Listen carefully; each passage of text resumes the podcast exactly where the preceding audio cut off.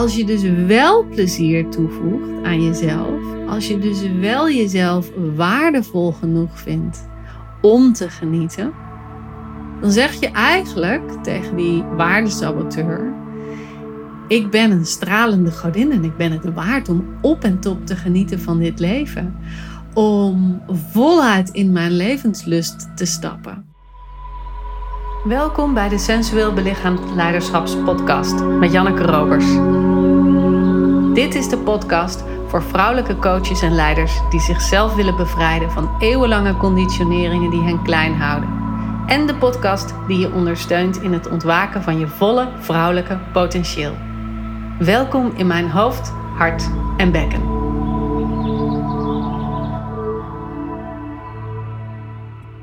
In de vorige afleveringen ging het over hoe kan ik meer genieten van het ontvangen in plaats van mijn aandacht steeds bij het geven te hebben.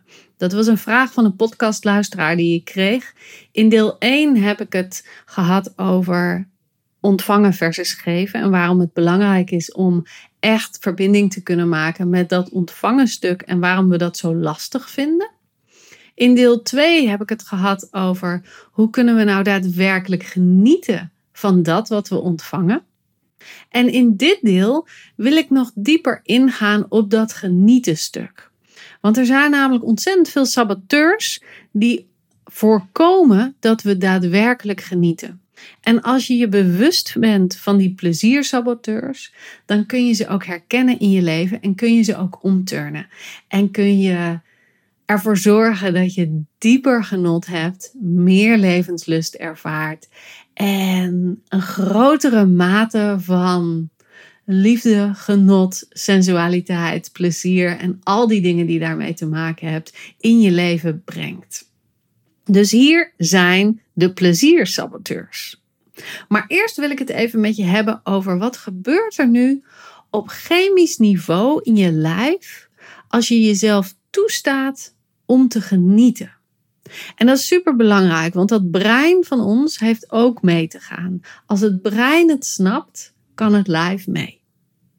Dus genieten of een plezierige activiteit, zoals bijvoorbeeld een ongecontroleerde lachbui of een diep orgasme of vrij uitdansen. Het zorgt ervoor dat de stikstofmonoxide in je lijf vrijkomt. En dit is een van de tofste signaalstoffen in je lichaam. En het wordt ook wel een neurotransmitter genoemd. En dat zijn stoffen die het mogelijk maken dat de neuronen met elkaar kunnen communiceren. Dus dat je vanuit het ene deel van je brein naar het andere deel van je brein een soort snelweg aanmaakt. Super belangrijk dus. Nou, die stikstofmonoxide, die zorgt ervoor dat een aantal andere neurotransmitters, zoals serotonine, dopamine, oxytocine, endorfine, dat die beter in evenwicht gebracht worden. En dit is echt super essentieel, want dit zijn allemaal dingen die ervoor zorgen dat de zogenaamde nare stofjes in je lijf, die vrijkomen bij stress, bij drukte, bij spanning, bij angst, zoals adrenaline, cortisol, endorfine, dat die naar beneden gebracht worden. En die zijn super noodzakelijk in sommige gevallen maar in ons dagelijks leven hebben we er veel en veel en veel te veel van. Omdat we nou eenmaal in zo'n ontzettende stressvolle samenleving leven. En de meeste van ons krijgen te veel op ons bordje, krijgen de dingen te snel te verwerken, zitten in situaties waarin de dingen te dichtbij komen. Dat we een te grote hoeveelheid aan die zogenaamde negatieve stofjes hebben. En negatief is niet het goede woord, hè? het is gewoon een biologisch stofje, maar het heeft wel een bijklank. Dus we willen liever serotonine, omdat dat ons helpt vertrouwen te voelen en het helpt ons om emoties te verwerken. We willen liever dopamine in ons lijf, omdat dat een heerlijk opgewekt gevoel geeft. Bijvoorbeeld na het sporten of dat gevoel van verliefd zijn bij ons naar boven brengt. We willen oxytocine, dat vrijkomt bij knuffelen, omdat het dat gevoel van diepe hechting geeft, diepe verbinding en ook heel goed werkt om de band tussen jou en je partner of tussen jou en je kind of een, een warme band tussen jou en je klant ehm, wakker te maken. En we willen endorfine omdat dat niet alleen een pijnstiller is, maar ook omdat het zorgt dat het pijn kan combineren met geluk. En dat is ook een hele belangrijke, want we krijgen in ons leven zoveel shit-ervaringen te verwerken, dat we kunnen blijven hangen in de pijn van die shit. Of we kunnen ervoor zorgen dat we ook een mate van genot en plezier en genieten in die shit-ervaring kunnen brengen. Zodat we die ervaring niet ons hele bestaan kleurt, maar dat we die met openheid en liefde tegemoet kunnen treden en die ervaring ons dan op een bepaalde manier ook kan voeden. Of het nou is in onze ontwikkeling, of het nou is in de capaciteit waarmee we kunnen dragen, of het nou is in de verwerking, dat maakt niet uit. Maar als je dus endorfine in je lijf hebt, kun je beter omgaan met dat soort momenten. Nou, dit is dus waarom we willen dat we genieten van het leven. Genieten van intieme momenten, genieten van minder intieme momenten. Maar er zijn pleziersaboteurs en er zijn er zes. En ik ga ze met je delen, want zoals ik al zei, als je ze herkent, kun je ze weerstaan. En de eerste is de vertiersaboteur. Vertiersaboteur die ziet plezier of genieten als iets frivols of onzinnigs of vermaak. Daar had ik het eerder in de vorige aflevering ook al over. En in de ogen van de vertiersaboteur is plezier dus niet productief. Het heeft geen nut. Het heeft geen functie. Dus waarom zouden we het dan doen? Nou, omdat ik je net heb uitgelegd dat plezier heel veel biologisch in gang zet in je lijf. En daarom super essentieel is. En ik snap die vertiersaboteur wel hoor, want ik heb hem ook, ontzettend zelfs. En hij is ook functioneel. Want die vertiersaboteur die zorgt er ook voor dat je iets gedaan krijgt in je leven. Dat je ehm, in de actie gaat, in, dat je productief bent. En dat je je, je best doet. Ik vind dat echt een heel stom zinnetje. Maar nou, het is wel belangrijk dat we af en toe ons best doen. En dat we af en toe inzet en input ergens voor leveren. Maar zolang we weten dat plezier daadwerkelijk een functie heeft, zowel biologisch als energetisch als emotioneel, kunnen we die vertiersaboteur wat verstillen. Kunnen we wel ons best doen, maar ook genieten van dat wat we doen. Met al onze zintuigen open. Nou, de tweede saboteur is de tijdsaboteur. De tijdsaboteur heeft haast. En hij heeft dus geen tijd voor plezier. Want plezier maakt dat je op een bepaalde manier verlangzaamt. Het brengt je meer in het moment. Het brengt je meer in je lijf. Het brengt je meer in het hier en nu. En in die openheid staat, ontstaat er ruimte. En die ruimte, die heeft die tijdsaboteur niet. Die wil de toekomst in.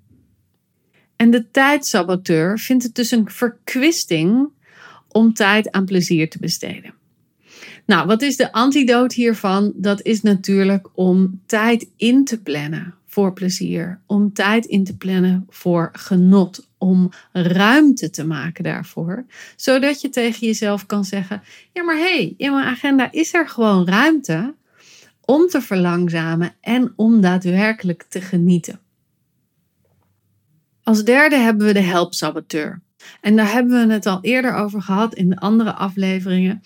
Want Dit zijn mensen die voortdurend met hun aandacht bij de ander zijn. Die willen graag de anderen plezieren in plaats van zichzelf plezieren. Die willen graag geven in plaats van ontvangen. En die leven dus, zoals ik in andere afleveringen ook al zei, vooral aan de voorkant van hun lijf. En ze zijn zich daarom ook niet zo vaak bewust van hun zintuigen, maar wel van wat er speelt bij de ander. En dat is een prachtige kwaliteit als je coach bent, als je begeleider bent, als je trainer bent. Dan heb je je aandacht bij je klant of bij je klanten en pik je heel veel op wat er bij de ander speelt. Maar omdat je dus met je aandacht zo bij de ander bent, ben je weinig met de aandacht bij jezelf. En die helpsaboteur, die zorgt er dus ook voor dat je minder kan genieten van dat daadwerkelijke helpen, om het zo maar even te noemen. Het is natuurlijk het verkeerde woord. Hè? In begeleiding hebben we het niet over helpen, maar hebben we het over dat, de ander in, dat je de ander in staat stelt om zichzelf te helpen of inzicht te krijgen of nou, de ander te coachen in plaats van te fixen. Daar gaat het niet over, maar om even een simpel woord te gebruiken, zodat je weet wat ik bedoel. Nou, er is een geestelijke en fysieke remedie tegen de helpsaboteur. En de eerste is dat je je beseft dat je pas een ander echt kan helpen als je er eerst voor jezelf bent geweest. Dus je doet de ander in een vliegtuig pas het zuurstofmasker op als je je eigen zuurstofmasker ook op hebt. Nou, dat weten we allemaal, maar hoe doen we dat nou? Daar gingen de vorige afleveringen over. Maar om het even kort te zeggen, het gaat er ook over dat je in je eigen billen landt, dat je in je eigen ruggengraat landt, dat je fysiek aan de achterkant van je lijf bent. Zo voorkom je dat je in de helpsaboteur stapt. Nou, dan als vierde hebben we de perfectiesaboteur. En dat is ook zo'n leuke. Die vindt namelijk niets goed genoeg. Diegene is altijd bezig met dat het beter kan. En dat betekent dat je dus zelf nog niet mag genieten van dat wat je aan het doen bent, want het moet nog beter. Er is nog geen tijd om te genieten, er is nog geen ruimte om te genieten, omdat je het van jezelf nog niet goed genoeg vindt. Je bent dus super streng voor jezelf. En die perfectiesaboteurs, die zijn echt super lastig. Want in wezen hebben ze namelijk altijd gelijk. Het kan namelijk altijd beter. Er is altijd wel iets op te merken op wat we doen of wat we ervaren of hoe we zijn. Er is altijd iets te verbeteren. De vraag is alleen: is dat ook daadwerkelijk nodig? En de tweede vraag is: als dat zo daadwerkelijk nodig is, kunnen we dan ook genieten van dat we nog bezig zijn van het, aan het verbeteren. En wat ook interessant is bij perfectiesaboteur, is je af te vragen wat de daadwerkelijke wens is van die perfectiesaboteur. Wil diegene bijvoorbeeld heel graag gezien worden? Of waardevol zijn? Of geliefd zijn? En als je dus de daadwerkelijke achterliggende gedachte ontdekt van die perfectiesaboteur in jou, waarom wil je het graag zo perfect hebben? Dan kan je daarmee aan de slag gaan. En komt er weer meer ruimte om wel te genieten van die imperfectie, die er overal aanwezig is. Dan als vijfde hebben we de waardesaboteur. De waardesaboteur vindt zichzelf niet waardevol genoeg om plezier aan te besteden. Je wil geen geld, aandacht, tijd, ehm, materie of energie besteden aan jouw eigen genot, want je bent het niet waard. Je bent het niet waard om verliefd te zijn. Je bent het niet waard om te genieten van je werk. Je bent het niet waard om vol overgave te mogen ontvangen van de ander. En dat is echt super pijnlijk. En je kunt dit zien doordat bijvoorbeeld spullen voorgaan op een ervaring. Spullen hebben namelijk een bepaalde waarde en een ervaring niet echt. In deze kromme gedachte hè, dat er een waardesaboteur is. Dat is natuurlijk niet zo. Maar dat is wat er vaak gebeurt. Het materiële is niet zo vervliegend als een ervaring. Maar plezier zit hem in de ervaring. Plezier zit hem in het vervliegende moment. En als je dus wel plezier toevoegt aan jezelf, als je dus wel jezelf waardevol genoeg vindt om te genieten, dan zeg je eigenlijk tegen die waardesaboteur: Ik ben een stralende godin en ik ben het waard om op en top te genieten van dit leven. Om voluit in mijn levenslust te stappen. En die werkt twee kanten op. Hè? Dus jezelf toestaan om in je levenslust en je genot en je plezier te stappen, maakt dat je je een stralende godin voelt. En de gedachte aan dat jij een stralende godin bent, opent de mogelijkheid voor jou om diep in je levenslust te stappen. Alle twee. En het maakt er niet uit welke je neemt. Neem degene die de gemakkelijkste toegang voor jou is om, om in te zetten. Om je waardesaboteur te saboteren, als het ware. nou, dan hebben we nog de laatste. En de laatste is de twijfelsaboteur. Nummer 6. Hij doet alsof hij niet weet wat genot brengt. Deze twijfelsaboteur die komt vaak boven bij mensen die zichzelf vaak plezier of genot ontzeggen. Want hoe vaker je het ontzegt, hoe minder snel toegang je hebt tot dat wat je plezier brengt. Uh, je hebt ook minder snel toegang tot je um, zintuigen, tot het openen van je lijf. En dus ga je twijfelen. Je weet niet meer of fietsen je plezier brengt of lopen. Of het nou roze moet zijn of rood moet zijn. Of het nou de beweging is of de verstilling. En je gaat dus twijfelen over dat wat je genot brengt. En dat houdt je in een staat van imperfectie. En daarom heeft hij ook een bondje met de perfectiesaboteur. Je kunt altijd zeggen dat het moment nog niet goed genoeg is om te genieten. En dat je daarom niet weet wat je genot brengt in die situatie. En hoe je hier uitkomt, is dus eigenlijk gewoon door een keuze te maken. Gewoon door te zeggen: ik ga voor rood en ik ga optimaal genieten van rood. En als het blijkt dat het rood niet is, dan sta ik mezelf toe om voor blauw te kiezen. En dat is gewoon jezelf overgeven aan de ervaring van het moment. En dit was de vervolgaflevering um, op hoe stel ik mezelf in staat om te genieten van het ontvangen in plaats van mijn aandacht steeds bij het geven te hebben. Dus in dit geval bij de twijfelsaboteur zou je kunnen zeggen: ik stel mezelf in staat om te genieten van dat wat ik ontvang. En als ik merk in het ontvangen dat het me toch niet zo'n plezier brengt als dat ik dacht, mag ik ook nee zeggen. Dus je geeft jezelf een uit. Je geeft jezelf de mogelijkheid om eerst ja te zeggen en vervolgens toch nee te zeggen als het niet bij je past. En veelal denken we dat dat niet kan. Veelal denken we dat als we A hebben gezegd, dat we ook B moeten zeggen. We hebben een klant aangenomen omdat we dachten dat we diegene heel goed ten dienst konden zijn. Maar het blijkt echt een irritante klant te zijn. Of het blijkt een klant te zijn die nog helemaal niet op het niveau is waar jij bent. Of het blijkt een klant te zijn die steeds met hetzelfde zeurprobleem komt en niet wil aannemen wat jij biedt. Dan mag je dus nee zeggen. Je mag dus zeggen: ik heb je aangenomen, maar ik denk niet dat ik de juiste voor je ben. Ik ga je doorverwijzen. Met een open hart natuurlijk, hè?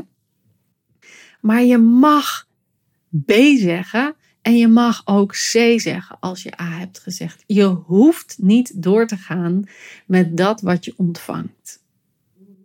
Nou, dat waren de zes pleziersaboteurs. En ik hoop dat je dus kunt ontdekken in jouw dagelijks leven als je bezig gaat met meer ontvangen in plaats van je aandacht altijd bij het geven te hebben. Welke van deze zes er bij jou opkomen? En welke van deze zes, of misschien wel een combinatie van twee of drie, jou tegenhouden om ultiem te genieten van het ontvangen van dat wat je krijgt. Het ontvangen van dat wat je toekomt.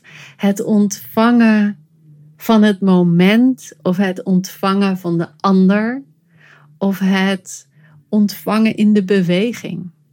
Wat het dan ook is voor jou. Ik ben ontzettend benieuwd welke van deze zes nou het meest van toepassing zijn. Dus als je dat met me wil delen, vind ik dat hartstikke leuk. Stuur me even een DM op Instagram. Dan heb ik ook even een idee wie er naar me luistert. Vind ik ook altijd leuk, want anders praat ik hier maar in het luchtledige. Dus ehm, dat zou ik graag ontvangen van je. En daar ga ik ook ultiem van genieten, van dat ontvangen. En wil je mijn persoonlijke begeleiding op meer sensualiteit, meer levenslust, meer genot in jouw begeleiderschap of in de manier waarop je voluit je vrouwelijke potentieel in je werk, in je leven of in je relatie brengt, reik dan naar me uit. Want ik heb een jaarprogramma, zoals je weet. Het heet Voluit Vrouw zijn. En ik kijk graag met je of dat van toepassing is voor jou en of je daar heel veel uit kunt halen wat jouw mate van genot en het genieten van dit leven groter maakt. Ik kijk uit naar je berichtje en ik hoop dat je er de volgende aflevering weer bij bent. Voor nu, tabé en tot snel. Doei doei!